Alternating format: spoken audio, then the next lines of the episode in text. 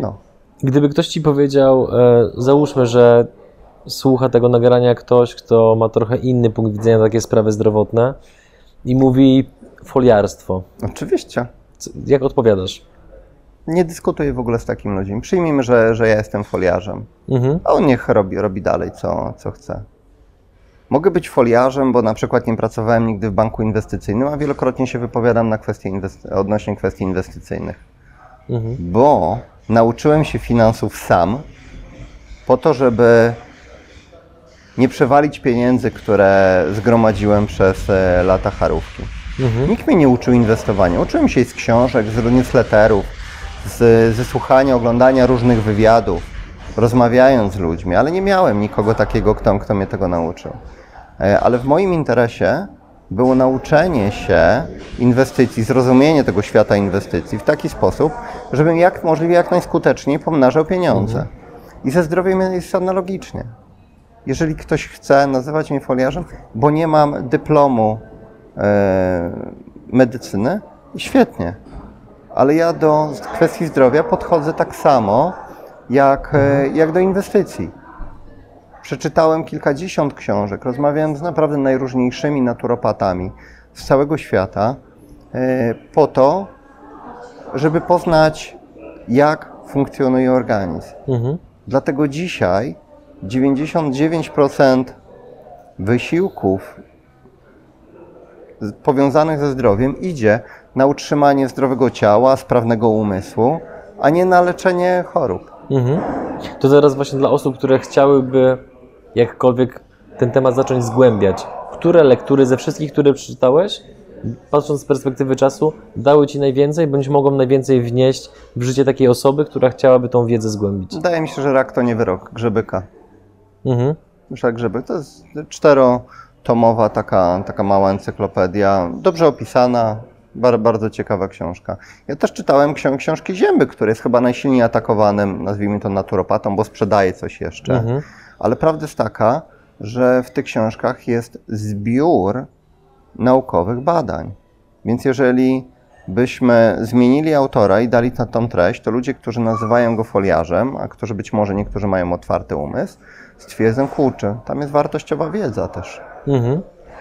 To teraz pozostając w temacie tego, co się współcześnie dzieje, ale już nie do końca w, y, w kontekście Zobacz, zdrowia. właśnie, i to, i to jest moje podejście. Okej, To proszę. jest różnica. 90% nie weźmie książki Zięby, bo to jest foliarz, e, To ma taką trochę łatkę już teraz w Polsce. Słucham? Ma, taką, to, ma, ma, ma łatkę. taką łatkę dok- dokładnie yy, i, i coś chce sprzedać nam.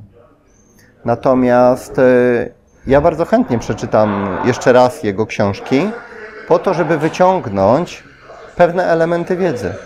Mhm. Dla mnie nie jest ważne, kto napisał, ważne jest, na jakim poziomie jest, Okej. yy, jest to, co jest tam napisane. A był jakiś ślepy zaułek, jeżeli chodzi o to eksplorowanie tych ścieżek zdrowia, w który zabrnąłeś, a potem się okazało, że to jednak jest fake?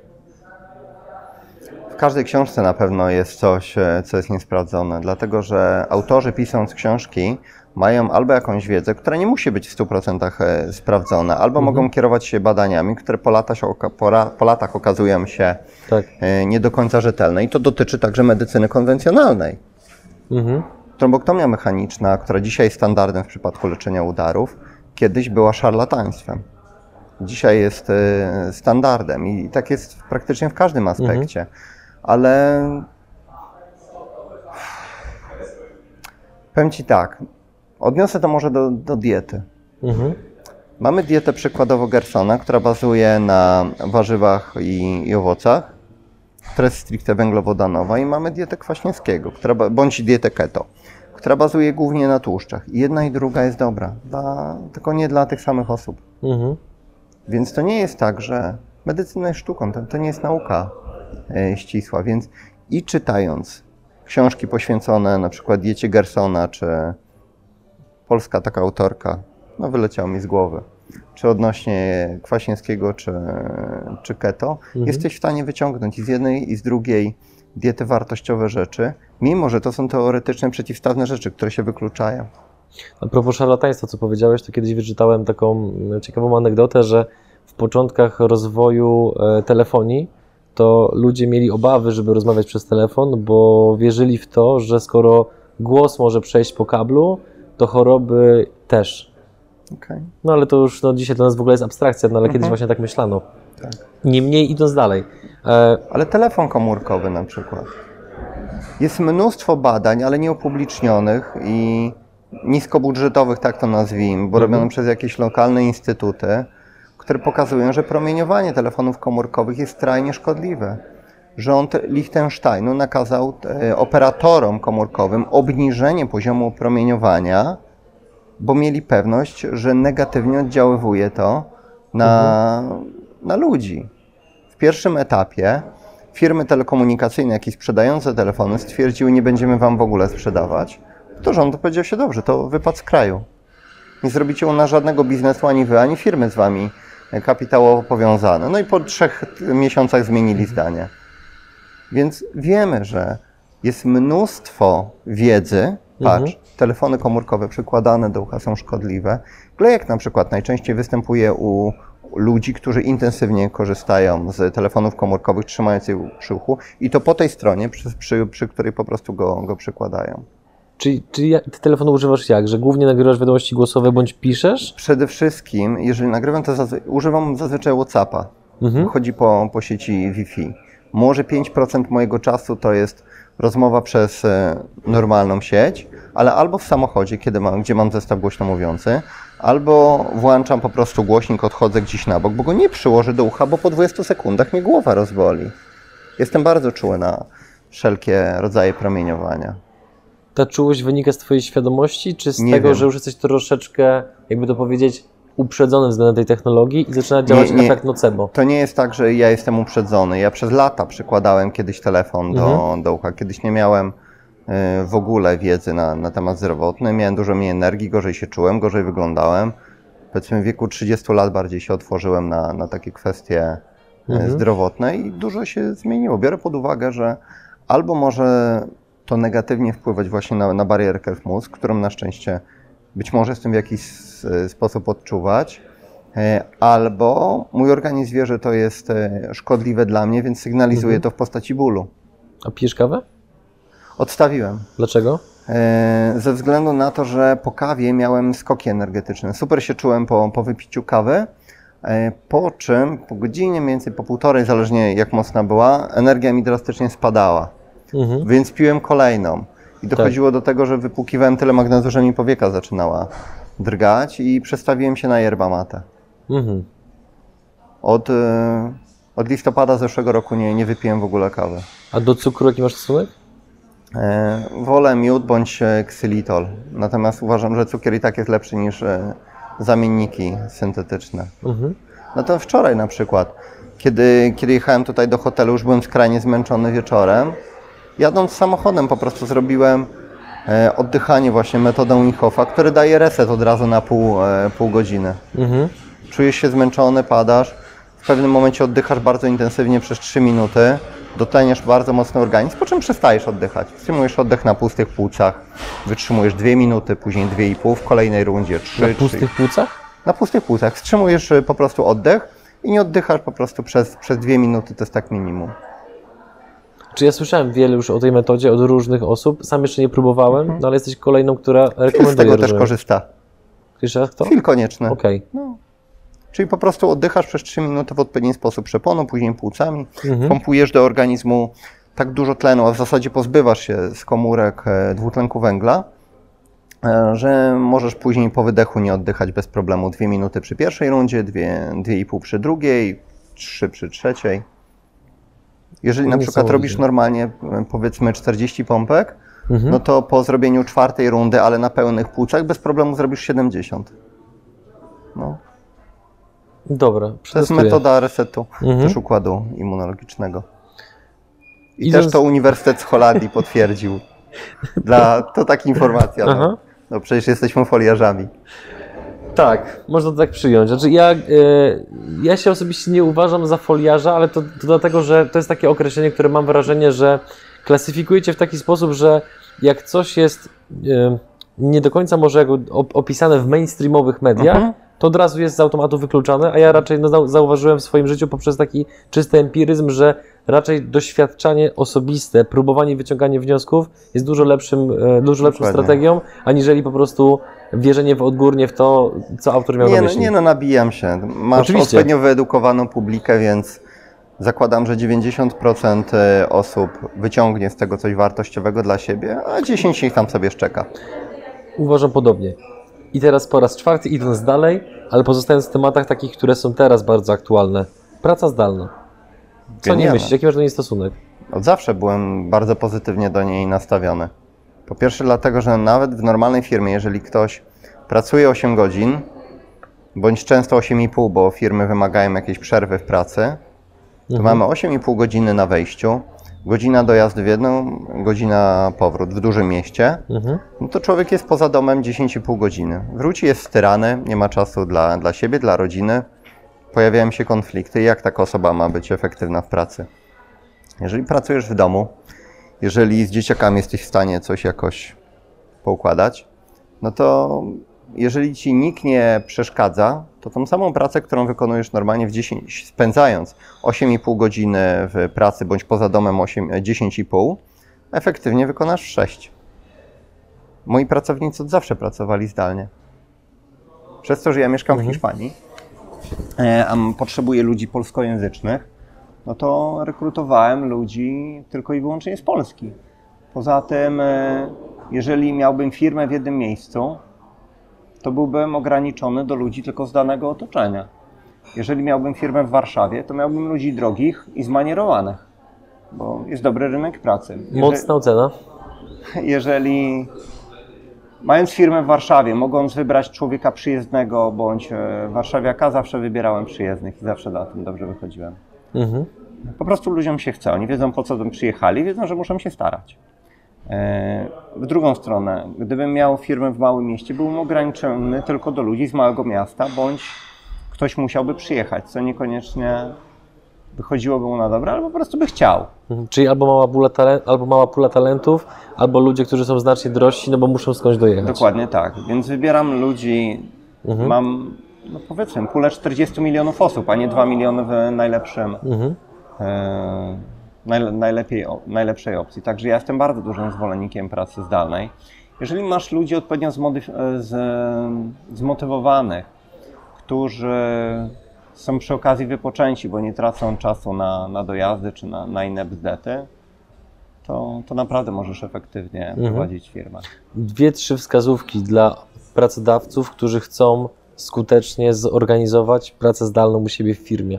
Pierwsza rzecz to wybranie ludzi, którzy lubią to, co robią i sami się motywują. No bo przy pracy zdalnej masz problem z kontrolą. Dla mnie metodą kontroli jest to, czy oni dali mi w określonym czasie to, co ja od nich potrzebuję. Dodatkowo raz na miesiąc rozmawiamy, powiedzmy, o rzeczach, którymi się zajmują. I widzę, czy, czy posunęliśmy się do przodu, czy, czy stoimy w miejscu. Na szczęście nie było takiej sytuacji, żebyśmy stali w miejscu. Zazwyczaj na burzach mózgów mnie czymś e, mega fajnym zaskoczą. Do tego, jak przykładowo robimy burzę mózgów, czy to pod jakiś webinar i potrzebuje jakiejś inspiracji, ciekawych pomysłów, to jeżeli jeden z pracowników mnie mega pozytywnie zaskoczy, tak jak ostatnio Konrad, no to od razu masz Konrad, przypomnij mi przy rozliczeniu, żebyś doliczył tyle i tyle do swojej premii, co jest też mega motywatorem dla pozostałych, którzy uczestniczyli w burzy mózgów. Na zasadzie Konrad się wykazał, kurna, muszę też podciągnąć tą, tą moją wiedzę. Mhm. Czyli zazwyczaj motywacja pozytywna. W jaki sposób oceniasz, y, czy dany pomysł podczas burzy mózgów pracownika jest na tyle wartościowy, żeby go za to dodatkowo wynagrodzić? Bo wyobrażam sobie, że to też może wywoływać pewnego rodzaju napięcia, że ktoś ci zaproponuje pomysł na burzę mózgów, ty akurat tego nie postrzeżesz, że to jest aż tak wartościowe i taka Mhm. osoba się z tym poczuje trochę źle, że Konrad dostał, a ja tydzień później nie bardzo, pomimo że mój pomysł chyba był lepszy od Konrada. Mm, inaczej. Konrad podczas burzy mózgu rzucił tyle wartościowych uwag, że przyćmił pozostałych, to był jego dzień, nazwijmy. I byłem tym tak bardzo pozytywnie zaskoczony. Mhm. Jest to tylko i wyłącznie moja arbitralna decyzja.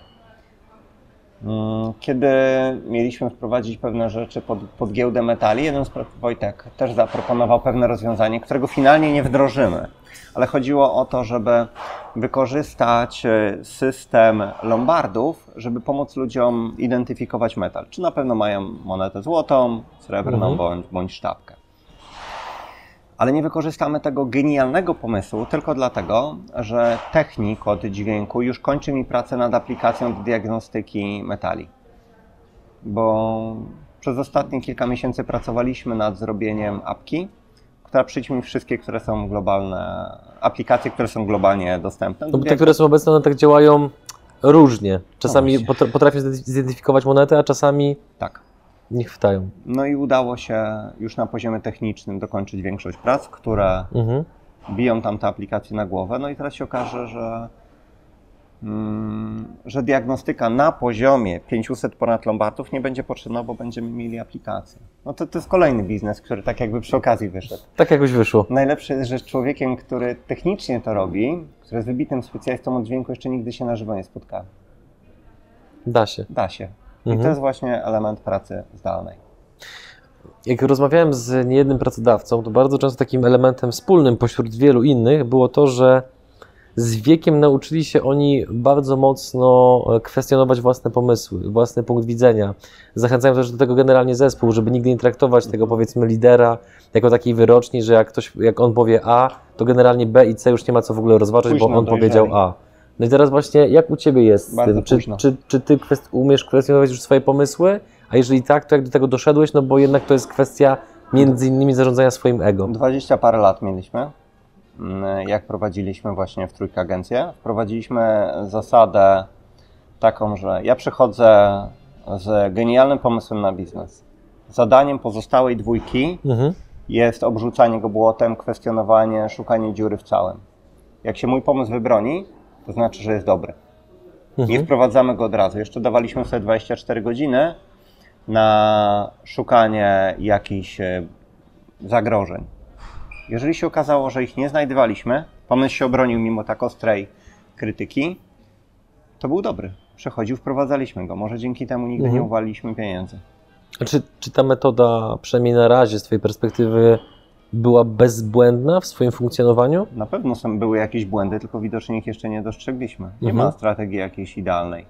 By, być może z jakiegoś pomysłu zrezygnowaliśmy, bo nie chcieliśmy podjąć nadmiernego ryzyka, Mhm. bo być może było zbyt dużo zagrożeń, które pozostałe Mhm. dwie osoby e, atakowały. Ja na przykład w firmie bardzo zachęcam ludzi do krytykowania moich pomysłów. I mi jest też trochę, trochę trudno ze względu na moje doświadczenie, jakiś tam autorytet względem ich. No ja jestem pracodawcą, oni są pracownikami.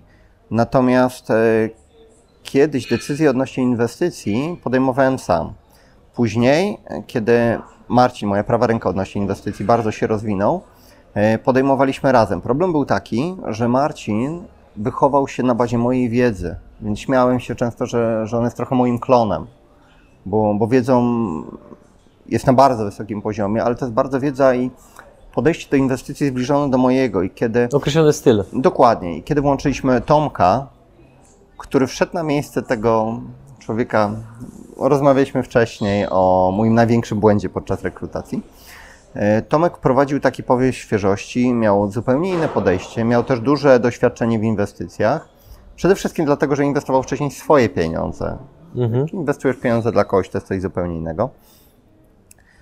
I Tomek pokazał nam często inne podejście, używał innych argumentów i bardzo często był mnie i Marcina w stanie przekonać do, do swojego pomysłu. Yy, I dzisiaj staramy się robić tak, że jeżeli mamy jakiś pomysł, to czasami go atakujemy, Mhm. ale przede wszystkim zawsze szukamy e, jakiejś e, argumentacji innej. Mhm. A powiedz mi jeszcze, pozostańmy na chwilę przy kwestii kwestionowania pomysłów, no bo mm, wyobrażam sobie, że może istnieć sytuacja, w której ktoś nie jest gotów na taką metodę, ponieważ kiedy słyszy, że ktoś krytykuje jego pomysł, to zamiast sobie pomyśleć, dobra, mój wspólnik ma dobre intencje, szuka dziury w całym, żebyśmy nie popełnili błędu, Mhm. to zamiast tego myśli sobie, on jest zawsze na nie. On ma zawsze jakiś problem. Nie da się z nim pracować. dwie opcje. Mm, Albo autor pomysłu ma problem z własnym ego, e, albo ma zbyt negatywnie nastawionego wspólnika. Nie, wie, nie wiem jak jest. Mhm. E, Może ja staram się mieć otwarty umysł, bo wolę, żeby ktoś mi pokazał, że mogę popełnić gdzieś błąd i wolę dzięki temu go nie Mhm. popełnię, nim, e, nim mam stracić pieniądze. Mhm. Nim miałbym stracić pieniądze na jakiejś inwestycji, która może się okazać nietrafiona. Po, po to jest właśnie krytykowanie, żeby znaleźć jakieś zagrożenia. Bo ja sam nie wpadnę na wszystko. Jestem w stanie przewidzieć pewne zjawiska, ale, ale na pewno nie wszystkie. Słuchaj, ja teraz się trochę challenge'uję, bo no, znamy się też prywatnie, więc No. pozwól, że mój ton będzie trochę bardziej koleżeński niż jako prowadzący, dobra? Pewnie przyjemnie będzie. Znaczy, nadal jest, nadal jest przyjemnie. Źle ci powiedziałem. spoko. Fa- fajnie nam się rozmawia, ale może, może będzie jeszcze lepiej. Spoko. Słuchaj, e, jaka jest e, ciemna strona e, Cezary, twoja, Tradera 21?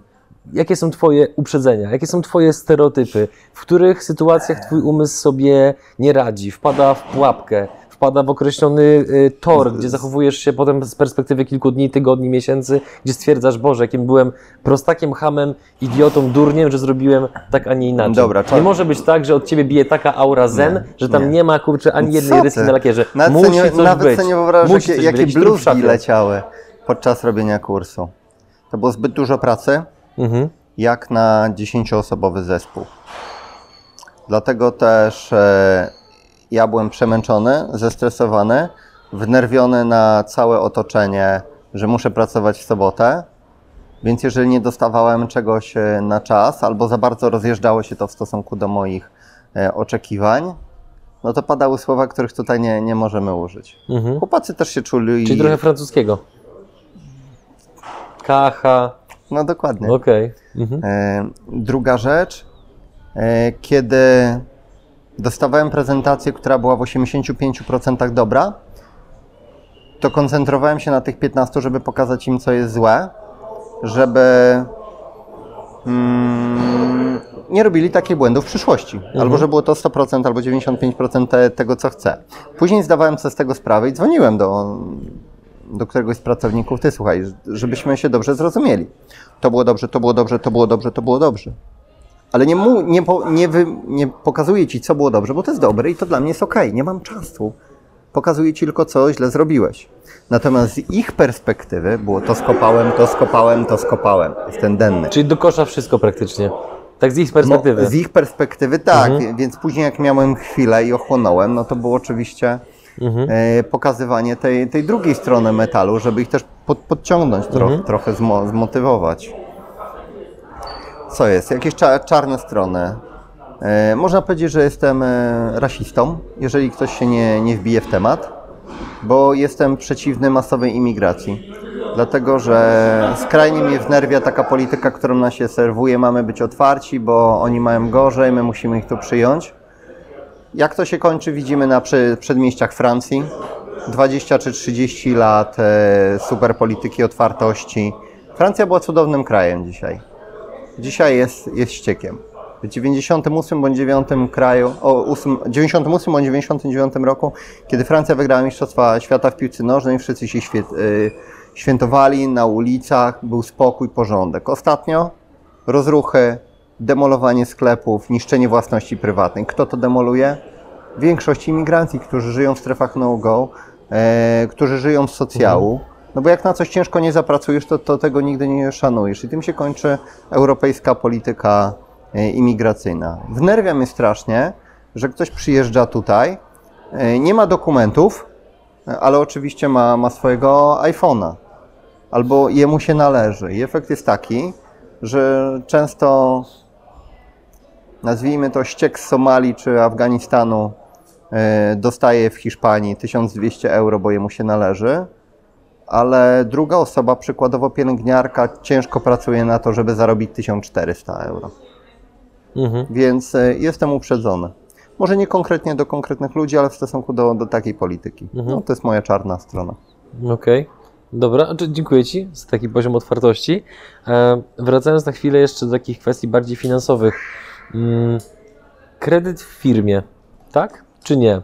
Znam zarówno, też akurat no, specyfika programu powoduje, że Poznaję przedsiębiorców, którzy dochodzą dokładnie do tych samych rezultatów zupełnie innymi drogami. Jedni mówią kredyt tak, dźwignia, jedziemy, drudzy mówią nie, tylko, tylko gotówka, żadnego kredytu. Który obóz ty wybierasz, bądź czy to zależy? Ja, ja jestem po stronie braku kredytu. Mhm. W firmie nigdy nie wziąłem e, kredytu przykładowo takiego na rozwinięcie firmy, Mhm. na, na działalność e, operacyjną. Pierwszy projekt zrealizowaliśmy przy pomocy moich oszczędności, oszczędności Kuby, mojego wspólnika i jeszcze to były czasy, gdzie mogłeś z karty wyciągać e, mm, pieniądze, zrobić debet, a dopiero informacja do banku docierała po, po trzech dniach, więc narobiliśmy debety i jeszcze tam kilkanaście chyba tysięcy od mojego wujka pożyczyliśmy wtedy. Oddałeś? Oczywiście, Zawsze oddajesz? zawsze. Na pewno? Tak widzę, że się zastanawiasz. Uderz mnie i zobaczymy, jak ci szybko oddam. Dobre. E, oczywiście, że oddałem. W każdym razie później przez 3 lata, czy 3-4 lata rozwijaliśmy firmę całkowicie z zysków. Nie wyciągaliśmy pieniędzy dla Mhm. siebie albo wyciągaliśmy minimum. Pamiętam pieniądze, które nasze szły do Estonii, no bo trzeba było optymalizować pewne rzeczy. Mieliśmy chyba z półtora roku opóźnienia w, w realizacji faktur, no bo firma ci rośnie, rosną przychody, rosną też koszty, potrzebujesz więcej kapitału obrotowego, więc to wszystko zostawialiśmy. Natomiast w pewnym momencie, bo zmieniliśmy co chwilę biura, bo firma się rozrastała, stwierdziliśmy, musimy po prostu mieć swoje duże biuro i kupiliśmy kamienicę na Mokotowie. I nam zabrakło wtedy pieniędzy już na, na jej remont. Inaczej, moglibyśmy wyciągnąć z obrotówki, ale nie chcieliśmy tego robić, więc wzięliśmy chyba z pół miliona kredytu. I to był jedyny taki, taki kredyt. Później nie potrzebowałem żadnych e, kredytów. Mój kredyt na mieszkanie spłaciłem po roku, może po, po półtora. Bardzo, bardzo odległe czasy. Już później nie miałem żadnych kredytów. No teraz, teraz się zastanawiam, bo Kupiłem dosyć dużą działkę po to, żeby się pobudować w e, Hiszpanii. Żadnego uzasadnienia ekonomicznego nie ma. Do tej pory wynajmowałem domy, natomiast chcę mieć taki, jak sobie wymyśliłem. I bardzo możliwe, że wezmę na tą działkę kredyt, bo mogę wziąć na 20 czy 30 lat o stałej stopie. Więc on mi się po prostu zdewaluuje w wyniku inflacji. Mhm. W Polsce nie możesz takiego kredytu wziąć. Więc to jest moje podejście do, do kredytów. Na przykład mógłbym samochód wziąć w leasing, bo byłoby to bardziej optymalne podatkowo, ale nie chce mi się tego robić, bo jest to jakieś zawracanie głowy. Więc jeden miałem kupiony za gotówkę, teraz po prostu wiem, że drugi kupię na moją szwajcarską firmę, bo od razu no, pójdzie, pójdzie bez VAT-u i, i tak dalej.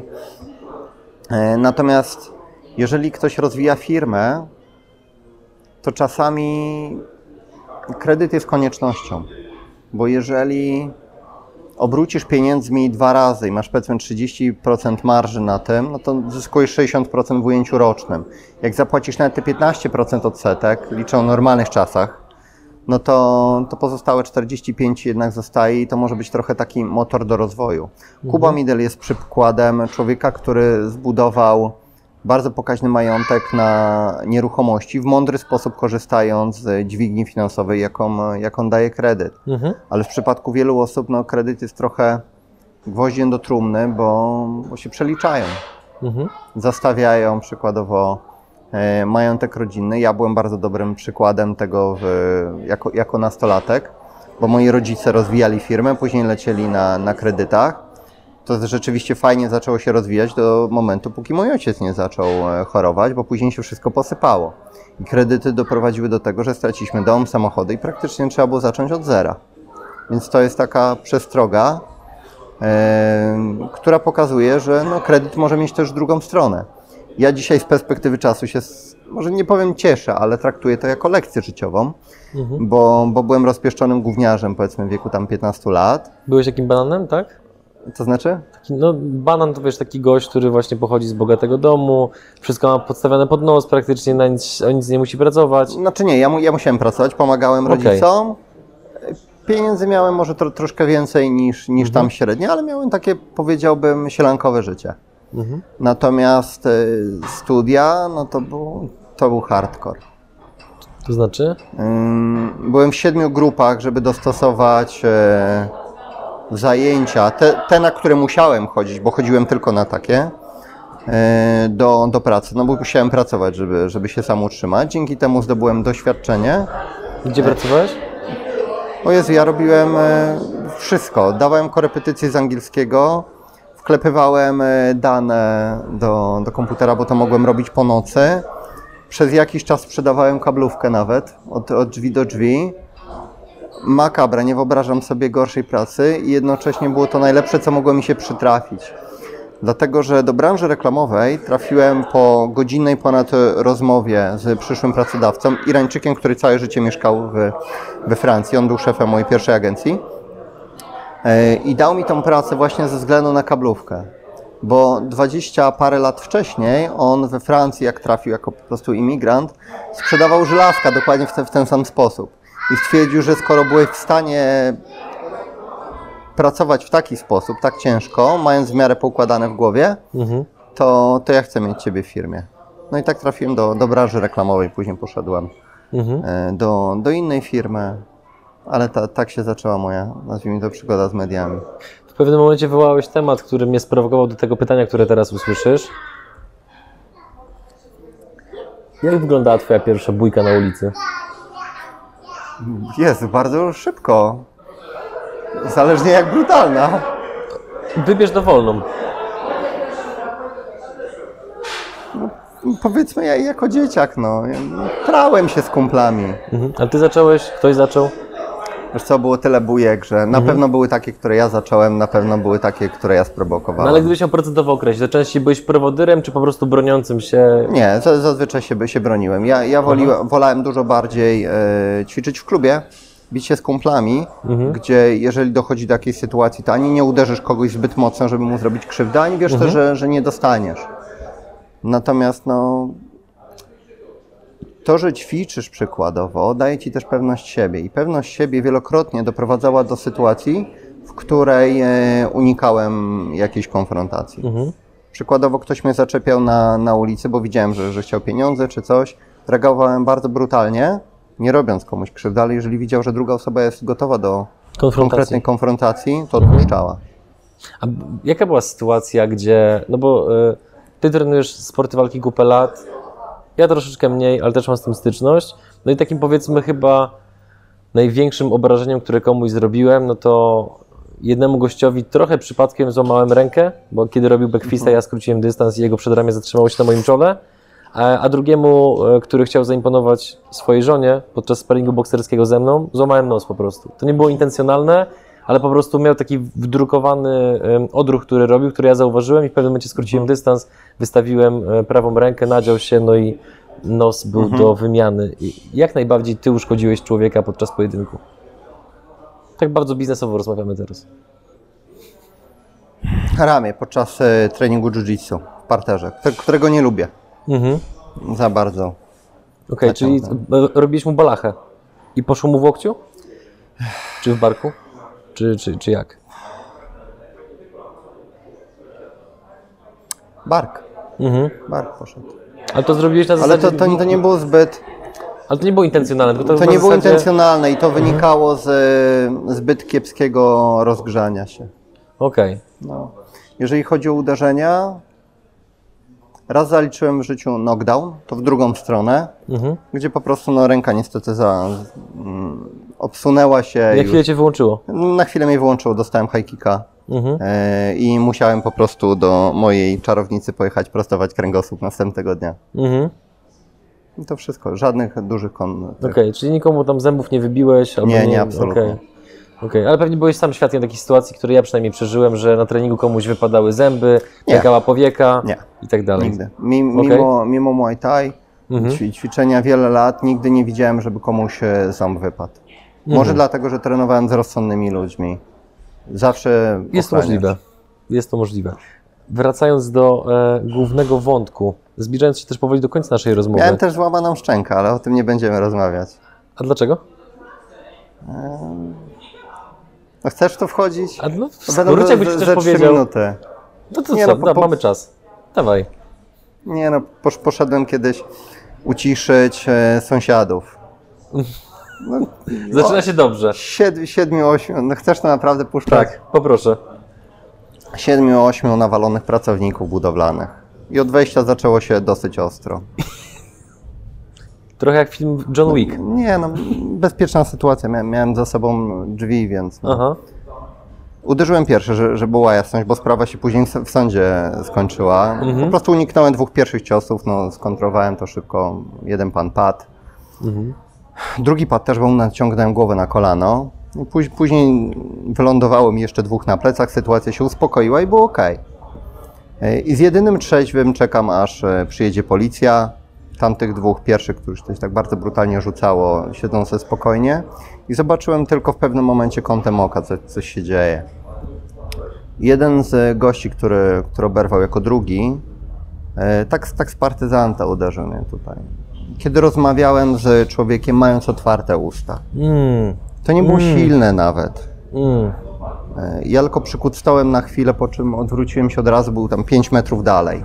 Mhm. E, No po, po prostu uciekł. No okazało się, e, że, że mi szczęka pękła w dwóch miejscach. Ni, ni, nic przyjemnego. Mhm. Miałeś drutowane, czy, czy jak to wyglądało? No, 7 godzin mnie operowali.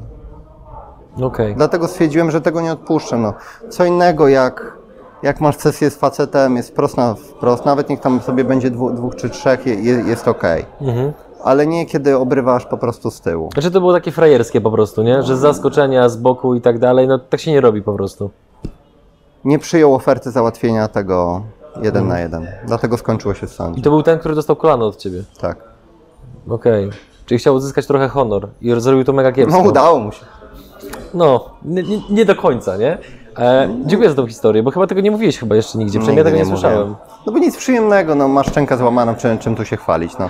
Znaczy wiesz, ale to trochę, Prze, prze, przez parę tygodni nie możesz mówić.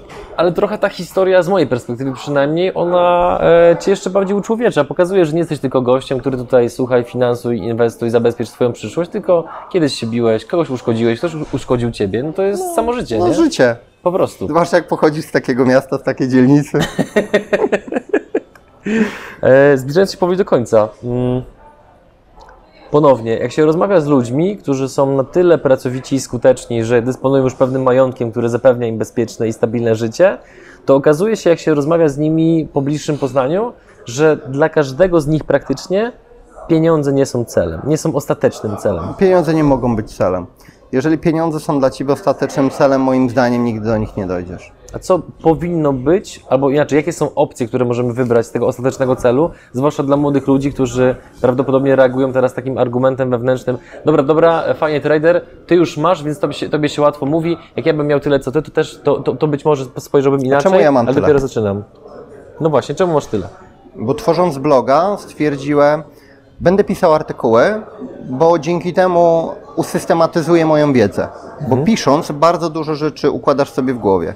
Pisząc artykuł musisz, czy robiąc kurs nawet, musisz poszukać tej wiedzy gdzieś. No bo wiem tyle, co jest powiedzmy bardzo dużo, ale chciałbym jeszcze wzbogacić o to, albo dać, dać coś nowego. Jasne. Tak samo jest z, z pisaniem artykułów. Mhm. Yy, piszesz coś, piszesz, kurwa, warto byłoby jeszcze to poruszyć, to poruszyć, to poruszyć. I układasz sobie tą, tą wiedzę w głowie. Ale ja przez trzy lata pisałem artykuły tylko i wyłącznie dla, dla ludzi, nie zarabiając na tym ani grosza. To mając jakieś drobne koszty, jakiś informatyk, jakieś serwery, no nie liczę utraconego czasu, który mógłbym spędzić gdzieś indziej, ale traktowałem to jako naukę. Dlatego, że wiedziałem, że kiedyś przyjdzie czas na zarabianie, na komercjalizację tego. A czemu wiedziałem? Bo nim zacząłem w ogóle tworzyć bloga, czytałem regularnie, ym, Boże jak to się nazywa, newsletter Gerarda Celente, The Trend Forecaster, chyba coś takiego.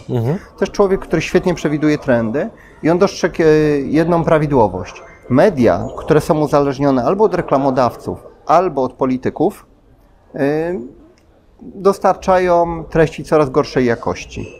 I ten trend będzie postępował, co widzimy dzisiaj. W związku z czym niezależne media, gdzie musisz płacić za treści, znajdą dla siebie miejsce. Ja wiedziałem, że albo pójdę może kiedyś w kierunku jakiegoś płatnego newslettera zamkniętego, albo wymyślę jakiś inny sposób na komercjalizację. I później to wszystko samo przyszło. Ale moim celem pierwotnym było dostarczenie jak najlepszej jakości wiedzy. To, to jest tak, tak samo jak z kursem. Czemu ja to tak ciężko robiłem? Bo ty nie wiem, ile tam, ze 2000 osób zapłaciły za to niemałe pieniądze. Dlatego chcę, żeby powiedzmy ocena była co najmniej tak wysoka jak poprzedniego kursu, który był oceniony na 9,6. Więc jeżeli starasz się coś zrobić naprawdę najlepiej jak potrafisz, pod każdym względem, to pieniądze same przyjdą. Czy można to ubrać w takie słowa, że ostatecznym celem zatem powinno być po prostu służenie innym ludziom? Czy Myślę, nie? myślę, że bardzo dobrze. Zobacz na jak się, Michał Szafrański. Mhm. Poszedł dokładnie tą samą drogą. Dawał od siebie bardzo dużo, a później chyba, nie wiem, 70 tysięcy dostał z jakiegoś programu afiliacyjnego, 24 godziny, takie...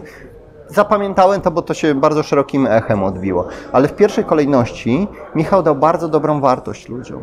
I też bardzo ciężko pracował. To jest przykład dobrego kredytu.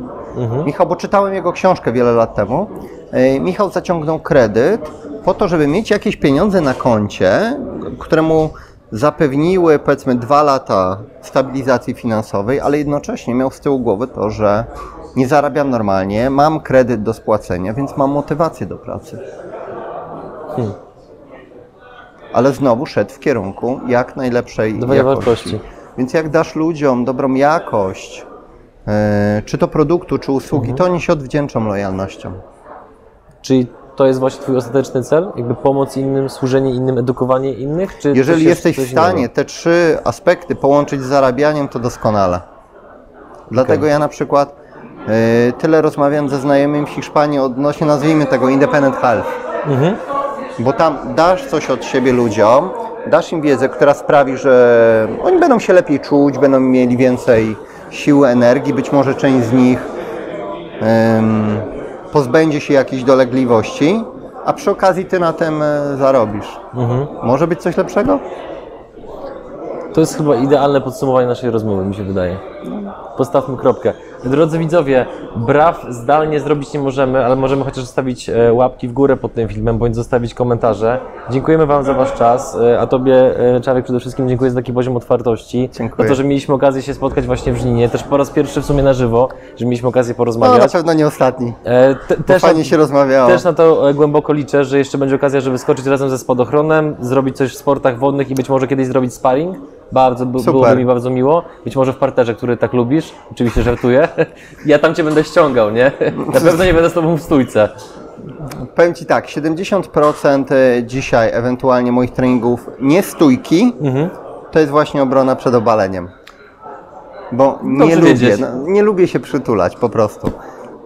Staram się znać jakieś techniki Mhm. e, w parterze, jeżeli już do tego dojdzie, ale ja wolę po prostu stójkę. To tym bardziej czekam na ten moment. Bardzo dziękuję za rozmowę. Dzięki również.